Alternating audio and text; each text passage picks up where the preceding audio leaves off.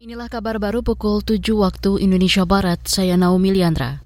Presiden Joko Widodo dan Presiden Korea Selatan Yoon Seok Yeol berkomitmen memperkuat kerjasama terutama di bidang ekonomi. Hal ini disampaikan Menteri Luar Negeri Retno Marsudi saat memberikan keterangan pers usai pertemuan Jokowi dengan para CEO perusahaan dan Presiden Korea Selatan. Ia menyebut dari sisi perdagangan kedua negara ada peningkatan sangat signifikan. Pada Januari sampai Mei 2022, Indonesia sudah surplus lebih dari 500 juta dolar Amerika atau sekira 7,4 triliun setelah sebelumnya defisit.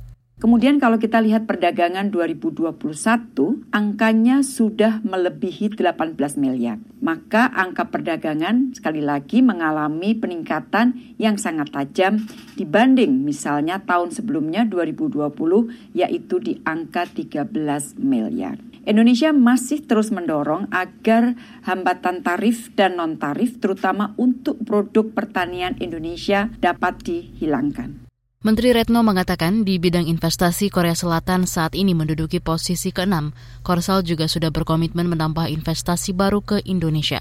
Sebelumnya, Jokowi juga mendorong implementasi konkret dari kesepakatan kerjasama ekonomi Indonesia-Korea untuk mendorong pemenuhan berbagai target dari kedua negara.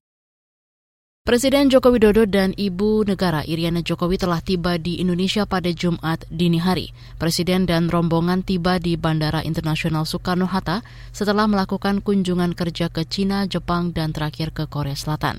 Dalam kunjungan tersebut, Presiden bertemu tiga kepala negara, perwakilan parlemen, serta para pengusaha.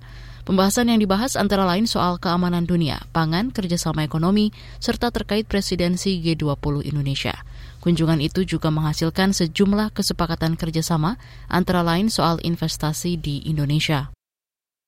Organisasi Kesehatan Dunia WHO optimistis wabah monkeypox atau cacar monyet bisa dihentikan dengan strategi yang tepat. Mengutip antara news.com, keyakinan tersebut disampaikan pimpinan teknis WHO untuk cacar monyet Rosamund Lewis saat konferensi pers Kamis kemarin. Kata dia, saat ini WHO bekerja sama dengan negara anggota dan Uni Eropa untuk membuat vaksin.